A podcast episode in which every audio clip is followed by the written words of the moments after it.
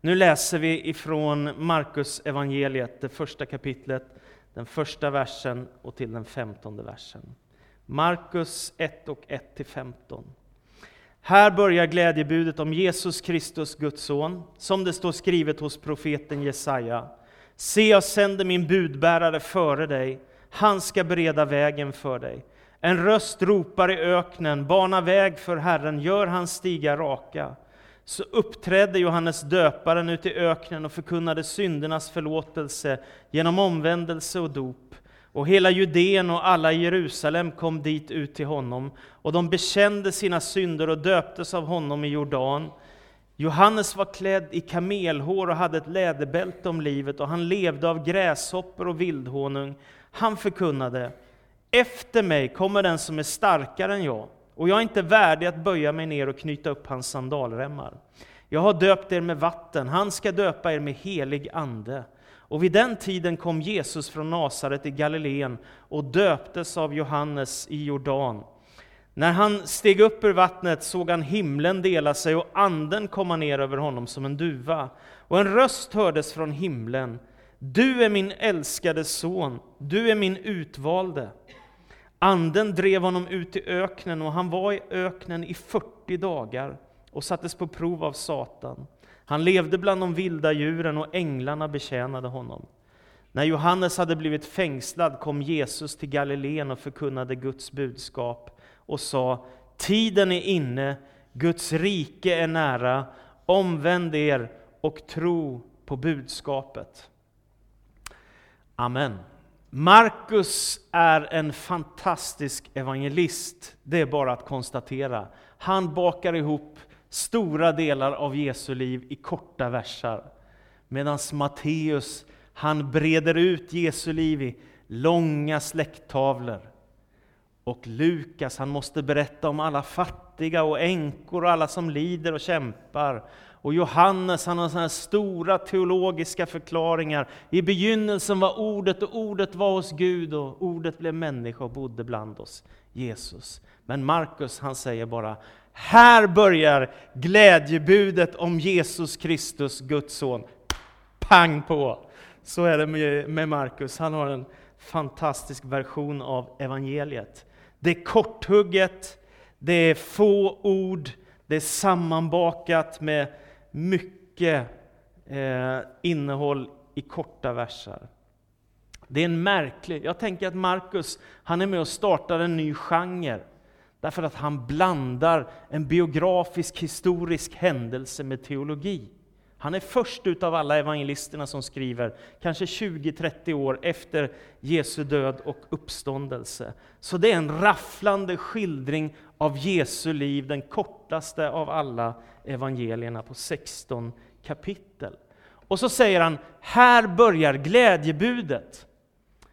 Alltså tänka på kristen tro och så är det detta som är introduktionsorden. Här börjar glädjebudet. Varför säger Markus så? Jo, men det har att göra med vem som står i centrum i denna text. Här finns en berättelse som är så omvälvande, så omskakande, så viktig att den har makt att förändra världen. Så när nu jag till exempel den här veckan, förra veckan som gick, har suttit i ett flygplan och flugit 9000 kilometer, så har jag ändå mött människor som bekänner Jesus som Herre. Visst är det fascinerande? Alltså det har kraft att förändra människors liv.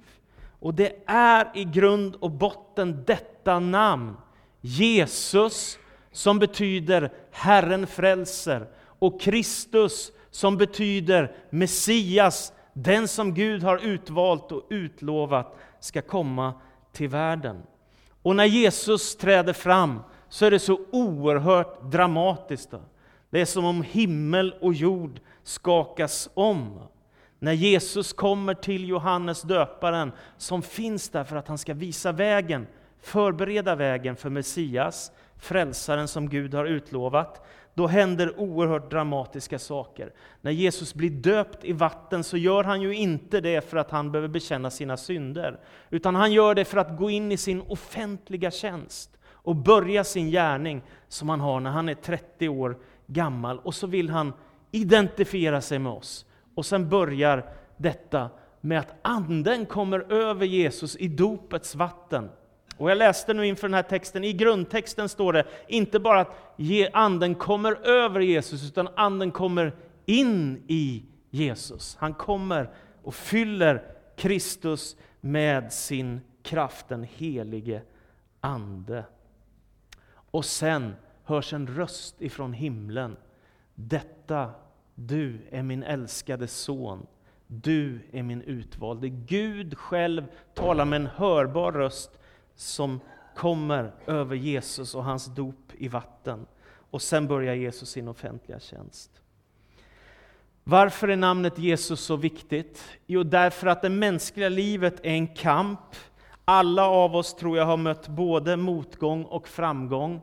Jag tror inte det finns någon här inne som bara har gått igenom tider av framgång. Och jag tror inte det finns någon här inne som bara har gått igenom tider av motgång. Utan de flesta av oss, vi, vi liksom hankar oss fram genom livet i glädje och sorg, i medvind och motvind, i framgång och i motgång. Men Markus förmedlar en berättelse som skickar in evangelium. För det är det glädjebudskap betyder. Det betyder helt enkelt evangelium. Så därför när vi säger evangeliet enligt Markus, eller evangeliet enligt Matteus, eller evangeliet enligt Lukas eller Johannes, så är det ett glädjebudskap som vi möter. Jesus är Guds son, Jesus är världens frälsare. Han är den som vandrar vid vår sida dag efter dag, år efter år, i glädje och i sorg, i medgång och i motgång. När livet är enkelt och när livet är svårt. Och han kan ge hopp och frälsning. Och när Jesus börjar predika, efter att anden har fyllt honom, så har han först en märklig tid där han ska ut och prövas i öknen. I 40 dagar är han i öknen, ledd av anden, visst är det märkligt? Ledd av Gud själv. Ut i öknen, prövas av den onde, segrar, betjänas av änglar och sen börjar han predika. Och då säger han, tiden är inne, Guds rike är nära, omvänd er och tro på budskapet. Det här är en fantastisk start i en människas liv som kan börja med att man förstår, genom Jesus Kristus så drar Guds rike in i världen. Det är alltså en enorm skillnad mot att inte ha med Gud att göra. Helt plötsligt så drar Jesus in Guds rike i världen genom sin närvaro och genom Anden. Och detta rike det utbreds när vi delar evangeliet med människor och fler människor kommer till tro på Jesus Kristus som frälsare. Och detta rike ska fullbordas en dag i evighetens värld. Inte bara med att vi, som man ibland får bilden av, sitter på någon, eh, eh, något moln och spelar harpa. Utan Gud, han har en plan, en frälsningsplan för hela historien för mänskligheten. Och därför så för han mänskligheten mot ett mål. Och det onda ska dömas och besegras och Guds rike ska bryta fram i sin fulla härlighet. Och det blir en ny himmel och en ny jord där Guds rättfärdighet segrar över det onda. Det är därför det är viktigt att omvända sig till Jesus. Och Jesus säger, tiden är inne, Guds rike är nära. Det har kommit genom honom till oss. Därför, omvänd dig och tro på budskapet. Öppna ditt hjärta för Jesus. Så inleds Markus evangeliet. Hur avslutas Markus evangeliet då? Jo, det avslutas med att lärjungarna ska fortsätta att göra det som Jesus har påbörjat. Det som Jesus har gjort.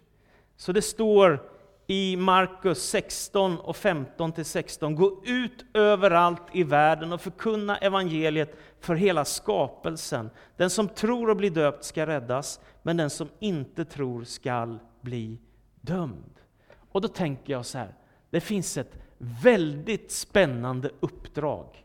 Och det är att dela evangeliet om Jesus Kristus med andra människor överallt där dörrar öppnas och är möjliga. Jag märker ibland att det blir som ett krav för människor som har tagit emot Jesus. Ja, men måste jag verkligen? Men det är inget krav. Det är en fantastisk möjlighet att få vittna för andra människor om Jesus och få dela med sig av glädjebudskapet om frälsning. Jag vet att vi lever i ett sekulariserat samhälle och det är inte så enkelt. Jag har precis varit i Thailand och där är ett buddhistiskt samhälle och det är inte så enkelt. Det är olika förutsättningar i olika delar av världen. Ändå har vi samma budskap. Och jag tänker att det finns ingen som Jesus. Därför behöver alla människor honom. Och bara han kan ge oss den frälsning och det eviga liv som vi behöver. Så utmaningen det är att dela det här glädjebudskapet med människor över hela världen. Det är en enorm utmaning. Och då kan man tänka, hur går det? Det går väldigt bra. Någonstans mellan 75 och 100 000 människor blir medlemmar i kyrkan över världen som det är just nu. Så det går ganska bra faktiskt. Det är därför vi som kyrka sänder ut missionärer också. För att vittna om Jesus, men också för att hjälpa människor som har det svårt. Så det är därför vi i vår församling bland annat understöder Daniel och Paulina Brolin. Det är fantastiska människor, jag är så imponerad av dem. Jag önskar att jag hade mer i mitt liv av det som de har. De började med att få en missionskallelse redan i 20-årsåldern, tror jag det var. Åtminstone var det då de reste ut som missionärer. Och när de gjorde det första gången, så gjorde de det i ganska tuffa områden. Och därför så blev de kidnappade, satta i fångenskap i en jordhåla. Om jag inte minns fel var det 165 dagar eller 168 dagar, eller sånt där, utan att veta om de skulle bli frisläppta och komma ut ifrån detta elände som de tvingades leva i. Jag kan tänka unga människor i 20-årsåldern. Och då är den naturliga tanken, som jag tänker, man har varit med om en sån svår sak så att man aldrig mer har lust att resa ut. Borde det inte vara så? Man har varit med om något som är så hemskt, lidande för Kristus, så man kunde ju liksom backa tillbaka, leva ett lugnt och stilla liv i Sverige och göra något annat. Men inte de. Utan de ska ut igen. Och när Daniel upplever orden krungtäpp komma till honom så känner han detta är Gud i vårt liv. Han vill någonting med oss. Och så när han slår upp det och inser att det är Bangkok så slår det ner i deras liv och nu har de varit där som jag sa i över tio års tid. De reste ut som missionärer igen och började från noll. Det fanns ingen församling, det fanns ingen missionsorganisation att koppla an till, utan de började i sin lägenhet dit de flyttade i Bangkok. Och jag var där och hälsade på för sex år sedan, och så var jag nu igen då och hälsade på. Och då börjar de med att be för människor, och de börjar med att vittna om Jesus för människor, och hjälpa människor som har det tufft på olika sätt. Och i söndags när jag predikade i Life Church, som är deras församling i Bangkok, då fick jag nästan gåshud, för då satt jag bredvid en kvinna som var en av de allra första som kom till tro på Jesus Kristus, med en buddhistisk bakgrund och som var uppväxt i Thailand, som har tagit emot Jesus som frälsare och Herre och är nu en av deras ledare i församlingen. Så fantastiskt! Och så firar de ju nu gudstjänst på två ställen i Bangkok. Och jag tror att vi har någon bild på detta också. Här är ifrån, det syns inte så bra, men det är en förbönstund innan gudstjänsten och så kan du ta nästa. Härifrån gudstjänsten, när Daniel Brolin leder i bön och så. Och de samlar ett antal hundra människor på två platser nu i Bangkok där man firar gudstjänst i en väldigt buddhistisk miljö. Ungefär 95 procent av alla thailändare, 60 miljoner människor, eh, har koppling till buddhismen och bara någon procent eh, är verkligen kristna människor i det här landet. Så det är en enorm missionsutmaning. Thailand och Bangkok. Nu har Brolins gudstjänster på två platser. Mitt i centrum i Bangkok hyr de en jättefin lokal och sen så har de en annan som de hyr hela tiden då, en, en, som en kyrka lite utanför centrum. Och där hade jag förmånen att vara nu i söndags och besöka dem på deras gudstjänster. Och det är fantastiskt att möta de här människorna. För de flesta som är där var ju inte kristna för tio år sedan. Utan de har kommit till tro på Jesus och blivit döpta i vatten och blivit del av församlingen och blivit ledare under den resa som Daniel och Paulina har gjort där i Bangkok. Och jag tycker det är så fascinerande. En församling växer fram i en buddhistisk miljö och människor kommer till tro på Jesus och det växer. Underbara människor, stora förebilder. Det jag tycker är så fantastiskt också, det är att de varje vecka tillsammans med sin församling så går de till ett fängelse. Och det här är platsen, och det här är, kallas för Immigration eh, Department eller något, något sånt. Och där, dit kommer människor som har stannat i Thailand utan att ha visum som gäller fortfarande. Och då hamnar man i fängelse. Det är inte som här att man hamnar på något boende, utan där hamnar man i fängelse. Och så sitter man där och så vet man inte vad som ska hända. Om inte någon kan fixa en hemresa eller på något sätt ordna med pengar så att man kan få någon annan lösning på något sätt. Och så gick vi in där och besökte dem. Dit går de varje vecka. Och jag hade med mig från, våra ungdomar var ju där och besökte, ett gäng av våra ungdomar var där vid jul och besökte Bangkok. Och då var det en av våra medlemmar som hade fått ett viktigt samtal med en av dem som satt där inne i fängelset. Så att jag hade med mig ett brev och jag hade med mig en bibel på den här personens språk. Och så lämnade jag över det till honom och så började han läsa, en ung kille, och så började han gråta, tårarna strömmar ner för hans kinder och känner man att livet är inte enkelt. Livet är ganska orättvist, ganska många gånger. Och det är ingen rolig miljö att vara i, att sitta fängslad bara för att man inte har visum för att vara i landet. Va? Ganska så smärtsamt.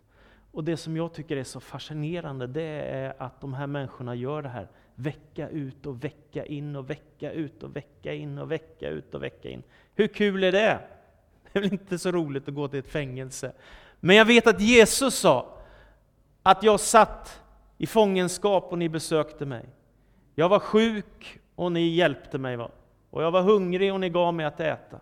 De gör vad Jesus sa att vi skulle göra. Och nu finns det en stor grupp av kristna på fängelset, människor som har kommit till tro på Jesus i det fängelset där de här människorna sitter. Visst är det lite fascinerande? Vad Gud kan göra mitt i en väldigt, väldigt svår tid.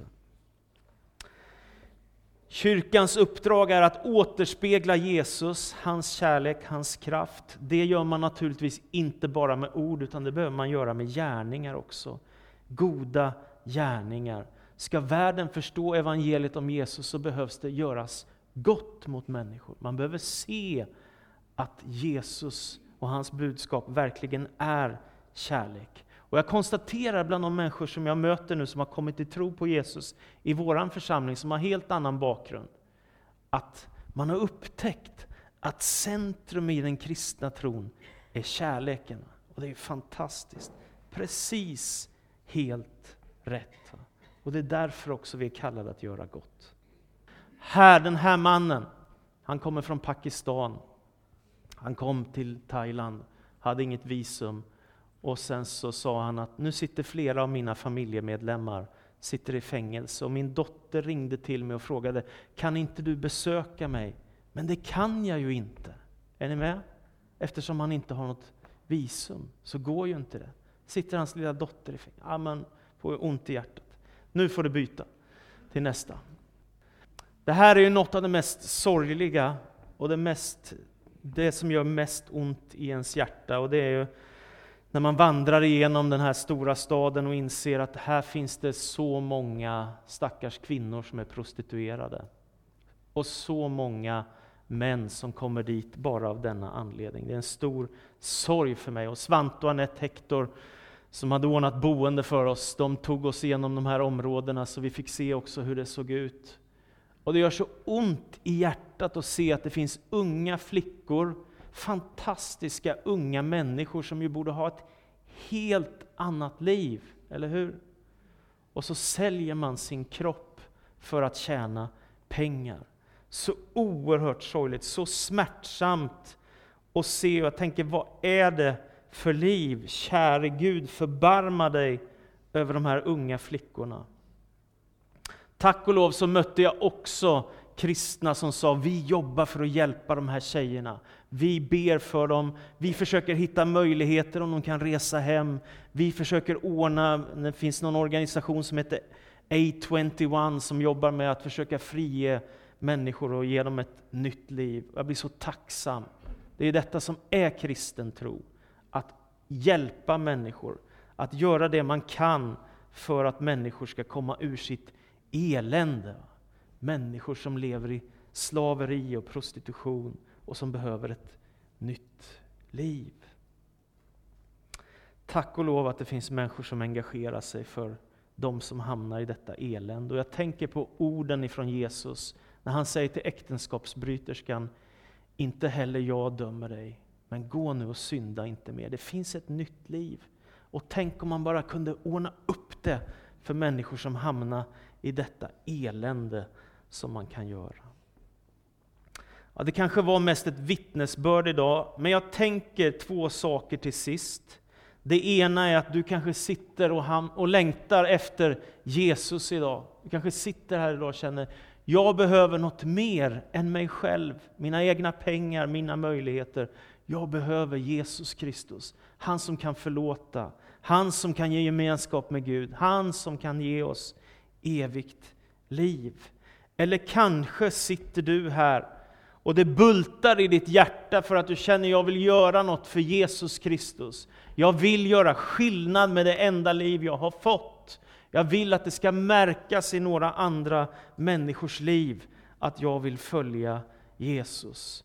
Och jag vet att det inte alltid är så enkelt. Men jag vet också att alla människor som hänger sig och är trogna sitt uppdrag hittar en eller annan väg att hjälpa någon människa, eller att få vittna för någon, eller att få bry sig om någon, eller att få göra en insats i någon människas liv. Det finns alltid vägar. Det finns alltid vägar att tjäna Gud och att hjälpa människor och finnas där för dem som behöver. Sen kan man inte räcka till för alla behov som finns, det vet jag också. Men man kan göra lite, man kan göra en insats och man kan använda sina gåvor för Guds rike. Daniel och Paulina vågade det stora uppbrottet, flyttade till en stad med 15 miljoner invånare, där bara en procent är kristna. Vilken jätteutmaning! Jag tänker, det kanske finns några fler som ska göra sådana saker med sitt liv, eller hur? Det måste varit någon gång i Pingstkyrkan i Västerås som Daniel och Paulina kom på, ja, vi ska resa ut som missionärer. Vi ska anta kallelsen. Vi ska göra det som Gud har kallat oss att göra. Och nu gör de det. Och kanske att det finns någon i Karlstad också som ska vara med om något liknande. Att Gud kallar på dig, att han knackar på ditt hjärta och att du kanske inte bara heller ska vara en viktig vardagskristen i Karlstad, utan du kanske ska resa till någon helt annan plats i världen och få bli hans tjänare eller hans tjänarinna. Vi är kallade att nå människor med evangeliet. Och du som behöver Jesus eller vill tjäna honom, välkommen att göra det. Amen. Så ber jag Jesus Kristus om din välsignelse över oss alla. Jag ber Gud att du ska använda oss, Herre. Jag ber att du ska öppna dörrar för ditt rike. Jag ber att det ska hända saker i vår stad och på andra platser. Men framförallt så ber jag att du ska kalla på några människor i vår församling, Herre. Tack för att du kan knacka på några människors hjärtan, Herre. Tack för att du kan göra det här idag. Tack för att du också kan göra det för våra ungdomar som är på läger den här veckan i Trysil. Knacka på deras hjärtan, Herre. Och gör det här idag i vår gudstjänst också. Gud, om du vill någonting mer med någon speciell här idag, att det är något som du har förberett och tänkt, så ber jag att det ska få ske, Herre. Tack för att du välsignar, tack för att du uppmuntrar och tack för att du ger oss kraft. Genom den heliga Ande så ber vi i Jesu Kristi namn. Amen.